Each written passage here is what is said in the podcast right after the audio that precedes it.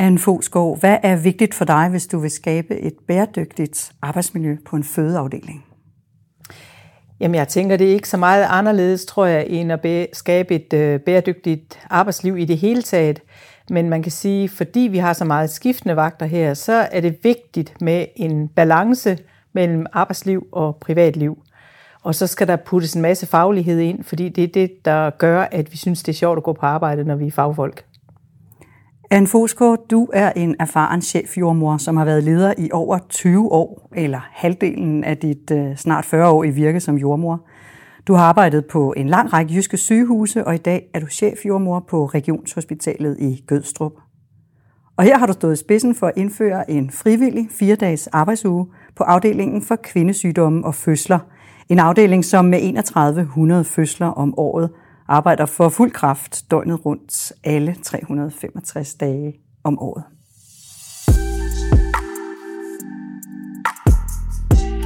Næsten halvdelen af medlemmerne i din sundhedsfaglige A-kasse oplever, at det er svært at få familie og arbejdsliv til at hænge sammen. Flere end hver tredje overvejer at gå ned i tid, og hver fjerde føler sig udbrændt. Det kalder på nye løsninger at gøre arbejdslivet mere holdbart i længden og få flere sundhedsfaglige til at stemple ind frem for ud. Så hvordan kan effektive arbejdspladser gå hånd i hånd med trivsel og fleksibilitet? Det undersøger vi i Det Bæredygtige Arbejdsliv, en podcast fra din sundhedsfaglige A-kasse.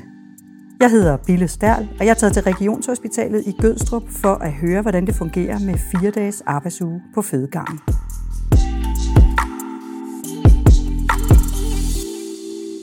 Nu sidder vi her på Barselstue C251 på afdelingen for kvindesygdomme og fødsler på Regionshospitalet i Gødstrup. Anne Fosgaard, hvad var din allerførste reaktion, da du tænkte fire dages arbejdsuge på fødselsafdelingen? Jamen, min allerførste reaktion, da jeg selvfølgelig har læst om det ude og set de tendenser, der er ude i privatlivet, det var, at ej, det giver mening det her. Det giver mening for mig, men jeg kunne simpelthen ikke lige se, hvordan jeg skulle få det til at, at, at føres over på en fødeafdeling. Altså, vi kan jo ikke øh, hos os fjernbetjene fødsler hjemmefra, og vi, kan, vi er nødt til at have en jordmor, der kommer og afløser en anden. Så hvordan jeg lige kunne gøre det, det kunne jeg ikke lige, i første runde i hvert fald, lige se en løsning på. Nej, og det der med fødsler over Teams, det dur heller ikke rigtigt. Det, det er ikke rigtig indført endnu, nej. Det, det tror jeg heller ikke, det bliver heldigvis.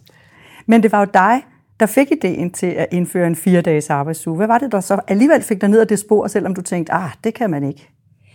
En gang imellem kan jeg godt blive en lille sådan, det kan simpelthen ikke passe. Selvfølgelig kan vi det. Det kan godt være, at vi skal gøre det på en lidt anden måde, end man gør ude, hvis man har et kontorlandskab et eller andet sted. Øh, men det må kunne lade sig gøre. Og hvad var det, du sådan tænkte, at en fire-dages arbejdsuge måske kunne øh, løse op for, eller forhindre, eller forebygge? Jamen man kan sige, de resultater, der er ude fra det private øh, arbejdsmarked, det er jo det her, de er jo ret klare, synes jeg faktisk, at folk oplever faktisk en bedre balance mellem arbejdsliv og privatliv. Der er en højere trivsel, og, og, og en del også viser, at der er lavere sygefravær. Så, så der er ingen tvivl om, at det i hvert fald i det private arbejdsmarked giver en højere trivsel. Hvordan har I så skruet den her fire dages uge sammen her? Jamen det vi har gjort, det er, at, øh, at vi har valgt at sige, at øh, man kan arbejde i 9 timer af gangen, i stedet for som vi gør i dag, 8 timer i svagter. Så man møder ind, som vi plejer, klokken 7 om morgenen, eller klokken 15, eller klokken 23, og så går man faktisk først hjem klokken 16. Så bliver man jo afløst af en anden jordmor klokken 15, 15 Øh, og det vil sige, at de ekstra tre kvarterer, dem har man så til at, at få dokumenteret og få gjort sine ting færdige og blive afløst på en god måde. Eller hjælpe sine kollegaer færdig. Fordi det er jo også en del af det her. Det er ikke alle, der vælger en fire dages arbejdsuge. Og hvad er det så, der bliver bedre af, at man er her en time længere, om jeg så må sige? Det jeg hører fra medarbejderne, og det, de, det der har gjort, at faktisk næsten halvdelen har valgt den her model, øh, øh, det er, at de siger, at det at få luft i deres liv, til at de har tre fridage per uge, det gør faktisk en forskel, når man er på fuld tid. Her hos os, der arbejder man jo i skiftende vagter. Der er fødsler, der er lige så mange fødsler i aftenvagt og nattevagt, som der er i dagvagt. Så man har rigtig mange vagter. Og det betyder, at øh, man på fuld tid har skiften uafbrudt, og, og få den luft, der gør, at man lige har et ekstra åndehul. Det betyder faktisk noget. Og har I indrettet det sådan netop, at alle har skiftende vagter hele tiden? Er der nogen, der, der aldrig har nattevagter, eller nogen, der kun har nattevagter? Eller? Altså, vi har gjort det, at, øh, at vi har spurgt folk, hvad deres præference er. Øh, så forsøger vi i allerhøjeste grad, og næsten alt det, vi kan, at imødekomme det. Men vi har jo nogle vagter, der skal dækkes, så det kan godt være, at man ikke har en præference for nattevagter, men er nødt til at have en en gang imellem. Men der er også nogen, altså det vi har erfaret, det er, at øh, hvis vi tror, at folk vil det samme, så tror vi fejl. Folk de vil faktisk meget forskelligt. Og hvorfor ikke lige så godt fordele det så godt vi kan? Og så er der nogle få gange, hvor man kan sige, at vi skal have dækket vagterne, øh, og så kan vi ikke lige nødvendigvis til gode se det. Men alle de steder, vi kan, der giver det mening. Men den primære fordel, som du så oplever, eller det folk i hvert fald giver udtryk for nu, i forbindelse med den her fire dages arbejdsuge, er det de tre fridage om ugen? Ja, det er helt klart de tre fridage om ugen. Og så er der faktisk også rigtig mange, der siger, hvor er det fantastisk at have tid til at gøre sine ting færdig. Fordi det er ikke rimeligt, at folk, øh, og det sker desværre, eller gjorde i hvert fald i 22 rigtig meget, at man, når man har stået ved en fødsel og ikke rigtig har kunnet gå fra den fødende, jamen så har man ikke fået dokumenteret. Og det betyder jo så, at man er nødt til at blive efter sin arbejdstid. Det vil sige, at man har fri på et tidspunkt, men alligevel ikke kan gå hjem. Og det er ikke rimeligt for nogen. Man skal måske hjem og hente børn, men uanset om man skal eller ej, så har man fri, og så skal man ikke have overarbejde. Så det er også noget af det, vi arbejder med, det er at minimere antallet af overarbejdstimer. Og den måde, I har skruet det sammen på, med at øh, den jordmor, der møder klokken 7, får fri klokken 16, men den næste møder ind klokken 15, ja. det overlap, der opstår der. Hvad får I ud af det? Altså det vi tror på, det er, at vi tror på, at vi kan også finansiere det her ved hjælp af overarbejde, øh, som minimeres. Det? Jamen det er klart, at hvis du i dag har en fødsel og øh, bliver afløst af en jordmor kl. 15 og skal gå hjem, jamen så øh, hvis du ikke har nået at dokumentere, hvis ikke du har nået at gøre dine ting færdige, så er du nødt til at blive der efter vagten. Det satser vi på, at den efter vagten, det er i vagten nu fremadrettet. Og der har du tre kvarter til at gøre lidt mere, end du havde før. Så mit håb er, og det ved jeg jo ikke, det er en prøvehandling i, to, i 23, men mit håb det er, at vi er i stand til at reducere og finansiere det, reducere vores overarbejde, og dermed finansiere den her øh, fire dages arbejdsuge øh, på den måde. I er 170 medarbejdere i alt her på afdelingen, og du sagde, at halvdelen cirka har sagt ja til at være med i den her fire dages arbejdsuge. Hvorfor var det vigtigt for dig, at det var frivilligt? Jeg tænker, at jo mere indflydelse man har på sin egen arbejdsdag og sit eget arbejdsliv, jo mere tilfreds bliver man, og jo bedre balance kommer der mellem arbejdsliv og privatliv. Og det jeg oplever, det er, at, at folk er rigtig meget forskellige. De er øh, forskellige steder i deres liv, og de har på forskellige præferencer. Øh, nogen vil rigtig gerne arbejde 12 timer ad gangen, fordi så skal de ikke afsted så tit. Andre vil på ingen måde arbejde 12 timer, for de synes, det er for hårdt. Nogen vil gerne have samlede fridage. Øh, nogen vil gerne have dem meget spredt. Så er der måske en enlig mor, som gerne vil have alle sine vagter i den ene uge, fordi hun ikke har børnene i den uge, og så videre og så videre. Så jeg tænker, jo mere vi kan byde ind og bakke op om den forskellighed, og give folk de muligheder, som de kan mærke er de rigtige i deres liv, jo bedre er det. Men giver det ikke en hel masse bøvl, at halvdelen af afdelingen arbejder fire dages uge, og halvdelen af afdelingen arbejder ja, 37,5 timer, eller hvordan det nu bliver gjort op? jo, hvis du spørger min skemalægger, så får hun lidt flere grå hår i hovedet. Det skal være en ærlig sag at sige. Men jeg tænker faktisk, at vi alle sammen synes, det er bestræbelserne værd. Øh, fordi, fordi hvis vi skal have glade medarbejdere, så er vi simpelthen nødt til også at arbejde med forskellighed og forskellige tidspunkter og forskellige præferencer. Øh, så jo, det, giver, øh, det gør det ikke nemmere at være skemalægger, lad mig sige det på den måde. Hun skal virkelig huske at jonglere med rigtig mange ting. Øh, men heldigvis har vi verdens dygtigste skemalægger, så det, det gør, at øh, det hænger sammen. Men det er en udfordring, helt sikkert.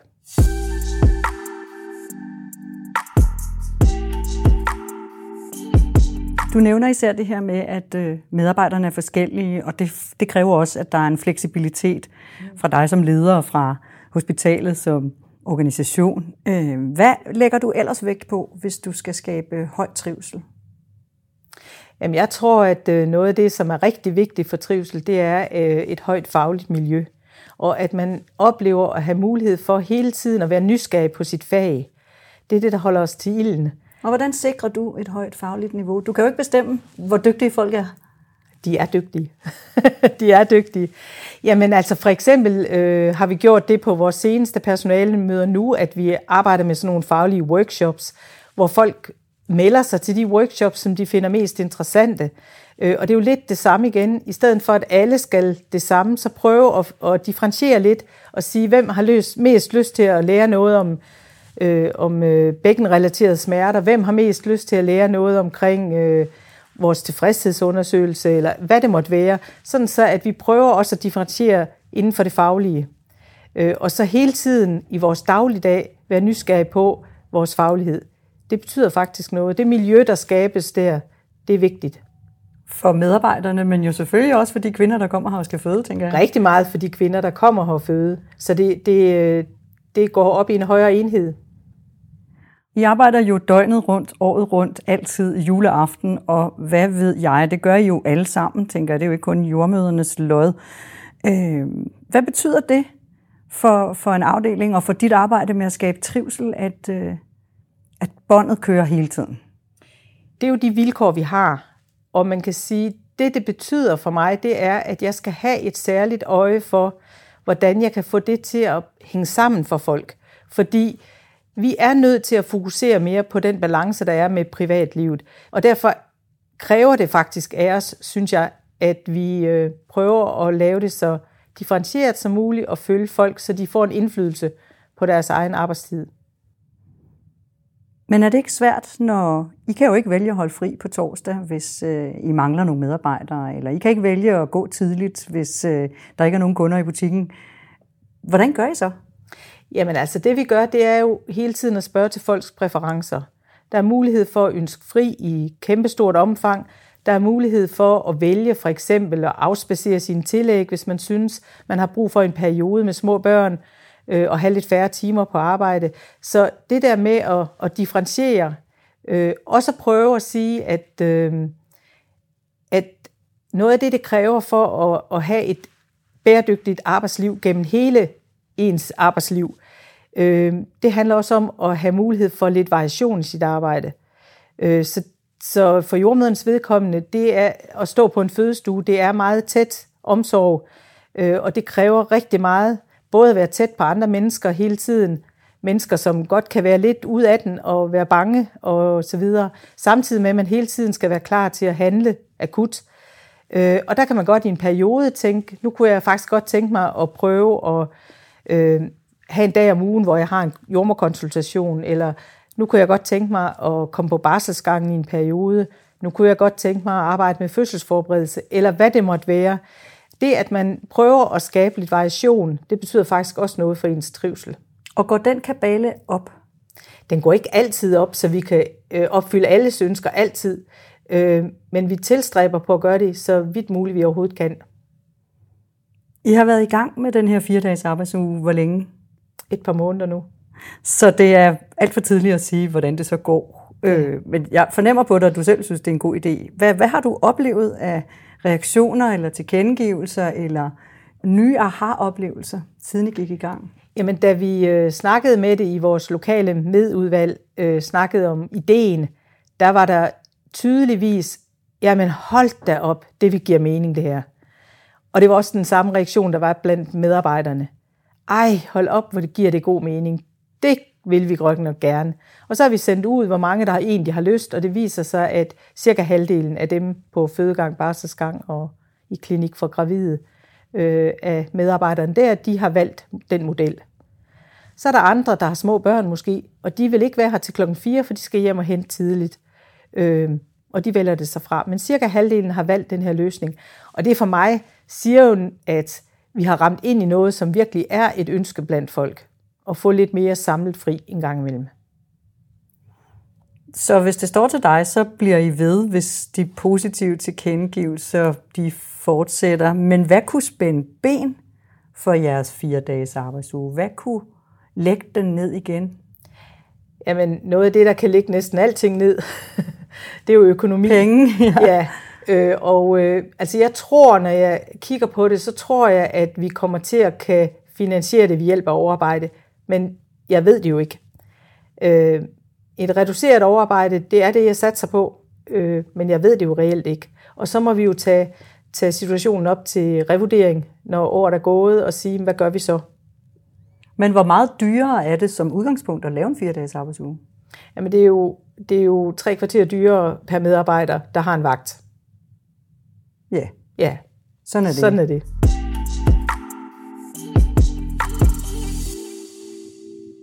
Du lytter til din sundhedsfaglige A-kasses podcast Det Bæredygtige Arbejdsliv, og vi er på sygehuset i Gødstrup, som har indført fire dages arbejdsuge på fødeafdelingen for at komme overarbejde til livs og for at give medarbejderne mere fritid. Anne Fosgaard, jordmøder er en højt specialiseret og efterspurgt arbejdskraft, og mulighederne for at få job er rigtig mange herhjemme og i udlandet og alle mulige steder – hvad gør du som leder for at fastholde og tiltrække medarbejdere her på din afdeling? Jamen først og fremmest noget af det, jeg tror, der betyder allermest, det er, at man har et, øh, man har et godt arbejdsklima, når man er her.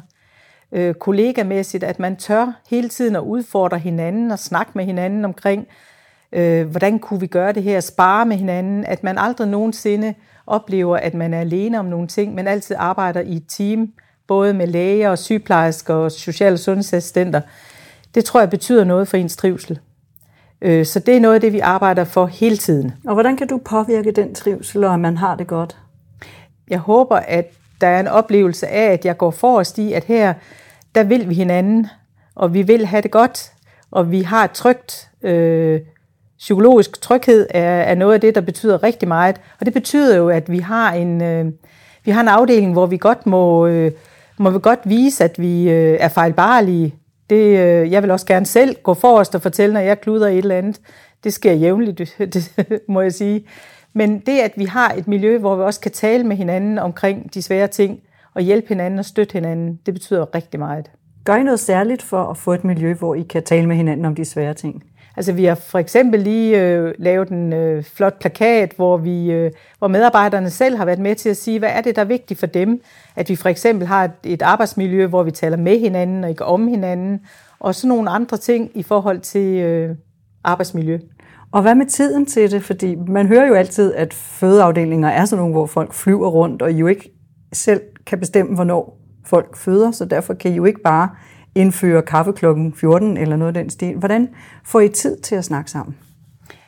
Jamen uanset øh, at vi selvfølgelig har øh, travle perioder på en fødegang, det, det kan vi ikke, øh, det, det har vi. Men for eksempel har vi indført øh, øh, det der med at bage en bolle midt om natten. Der er alle muligheder for færdig blandt dig i dag, og man kan tage lidt øh, forhævet med hjemmefra. Men det der med lige klokken 3 om natten, lige at mødes, bare et kvarter, Øh, det kan man for det meste godt øh, praktisere. Og en gang imellem, så kan man ikke, fordi man står for en fødestue. Sådan er det. Øh, men pauserne er der trods alt. Der er også nogle jordmøder, der søger væk fra fødeafdelingerne. Du har mange års erfaring som chef jordmor, både herfra og fra, fra andre sygehus. Hvilke forklaringer har du især hørt, når folk søger væk? Altså, det er meget blandet, vil jeg sige. Øh, nogen søger væk for at få øh, for at slippe for vagterne. Øh, det er nok den, jeg hører hyppigst. Altså det der med at komme i en praksis, hvor man så har kun dagarbejde, det betyder noget for, for nogen. Og det er den, jeg tror, jeg hører oftest. Så er der også nogen, der har brug for øh, friheden, så tager de en tur til Norge og arbejder, og så prøver de noget andet. Øhm, og der prøver vi jo så, kan man sige, at, at for eksempel have en meget liberal øh, overlovspolitik, vi er ikke nære med at give overlov, og, og det betyder, at jeg skal ikke sidde og vurdere, om der er en god grund til, at folk holder overlov. Hvis de vil ned og vandre på Caminoen, så fred med det. Så kommer de formodentlig tilbage, tænker jeg, og er gladere medarbejdere.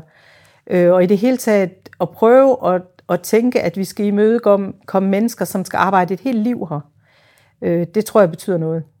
Og hvor gode er dine muligheder som leder for at agere i et system som sygehusvæsenet, som jo er, er, er stramt styret på økonomien og, og jo også styret på lovgivningen. Der er nogle ting, I skal gøre, der er nogle ting, I ikke må gøre. Hvor, hvor gode er dine manøvremuligheder her? Jamen, jeg tror faktisk, at det er vigtigt, at vi som ledere i sundhedsvæsenet ikke nødvendigvis begrænser os selv. Fordi jeg ved godt, der er ting, jeg skal, være, jeg skal, jeg skal leve op til. Jeg ved også godt, at øh, det er et politisk styret system, men det, det indebærer af forskellige ting. Men, men så er det heller ikke sværere. Altså, øh, i en privat virksomhed, der har man også en bestyrelse, der mener et eller andet, som man skal indordne sig under. Og jeg tænker, at øh, vi skal passe på, at vi ikke låser os selv i sundhedsvæsenet. Vi kan rigtig meget som ledere. Øh, Øh, og det, øh, det skal vi turde udfolde. Og hvis vi så gør det sammen med vores medarbejdere, så får vi mange, rigtig mange hjerner i gang, og rigtig mange, der inspirerer og kommer med idéer. Og så er der faktisk rigtig mange af dem, der kan lade sig gøre. Altså, jeg oplever at have en hospitalsledelse, der i den grad bakker op om de ting, der nu kommer. For eksempel fire dages arbejdsuge, eller vi har også gjort noget omkring vores øh, ferieplanlægning om sommeren, hvor vi har et problem med, at vi kan ikke lukke ned om sommeren.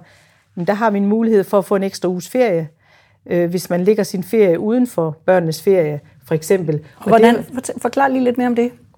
Jamen, vi har jo altså, vi har det problem, at øh, sommeren er faktisk den travleste periode overhovedet på en fødegang. Af en eller anden grund, så er der mange børn, der bliver planlagt til at føde, eller også så ved jeg ikke, om de ikke bliver planlagt, men de, der er i hvert fald mange, der føder. Kommer i hvert fald til verden i sommerferien. Juli og august er virkelig travle måneder hver eneste år, og vi har ikke en mulighed, som så mange andre, at lukke noget ned. Vi har ingen elektiv aktivitet, vi har nogle kejsersnit, men vi kan jo heller ikke flytte dem. Så vi har ikke så mange muligheder for at lukke noget ned. Og det betyder jo, at vi har et problem i forhold til det med ferie. Og der har vi så valgt at sige, at øh, nu laver vi en prøvehandling i år, hvor at øh, hvis folk vælger at lægge deres ferie uden for børnenes ferie, hvor vi har det store problem, jamen så får de en ekstra uges ferie gratis. Og det prøver vi af og ser, hvad giver det os egentlig? Øh, giver, det, giver det mere mulighed for, at folk kan få ferie i børnenes ferie, eller hvad? Fordi det er ikke særlig behageligt som leder ikke at kunne give sine sine medarbejdere bare 14 dages ferie øh, i, i deres, sammen med deres børn eller mand.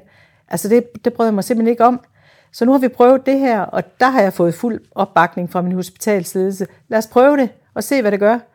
Øh, og alternativt kunne jo være, at folk øh, rejser lige op til sommerferien, så skal jeg bruge en masse penge på at introducere nye. Så, så måske hænger det også sammen. Hvordan får man råd til en uges ekstra ferie til folk? Hvis vi prøver at tænke, at hvis folk siger op, så skal jeg bruge 14 dages introduktion til en ny. Alternativt, det ligger jo der. Jeg skal jo have de folk på arbejde, som, som jeg skal. For nogle år tilbage, der var det ingen problem, for der kunne vi ansætte vikarer. Der var masser at tage af, og der, så ansatte man bare en masse sommerferievikarer.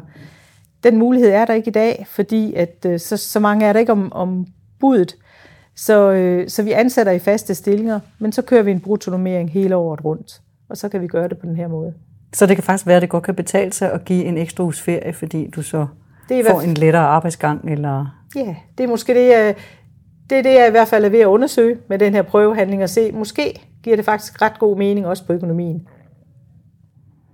Hvad vil du sige til dine kolleger, til andre jordmøder eller sygeplejersker eller sundhedsfaglige medarbejdere øh, derude, som drømmer om at ændre vagtsystemer og døgnarbejde og skabe et mere bæredygtigt arbejdsliv? Jamen, jeg tænker, det allervigtigste, det er, at vi går sammen, medarbejdere og ledere, og sammen udforsker, om noget kan lade sig gøre. Vær nysgerrig på, og lad være med at tænke, at fordi vi altid har gjort det på den her måde, så skal det blive ved sådan. Prøv at udfordre og se, om vi kan gøre ting på en lidt anden måde. Og så simpelthen bare gå i gang, og lad være at lade sig begrænse noget, fordi jeg tror at nogle gange, vi kommer til at begrænse os selv. Tak skal du have, Anne Fosgaard, chefjordmor på sygehuset Gøstrup, for at være med i det allerførste afsnit af din sundhedsfaglige A-kasses podcast, Det Bæredygtige Arbejdsliv. Vi har flere afsnit på trapperne. Du finder dem i podcast-appen på din mobil, og selvfølgelig også på dsa.dk. Jeg hedder Bille Stærl. Tak fordi du lytter med, og del endelig podcasten med alle dine kolleger.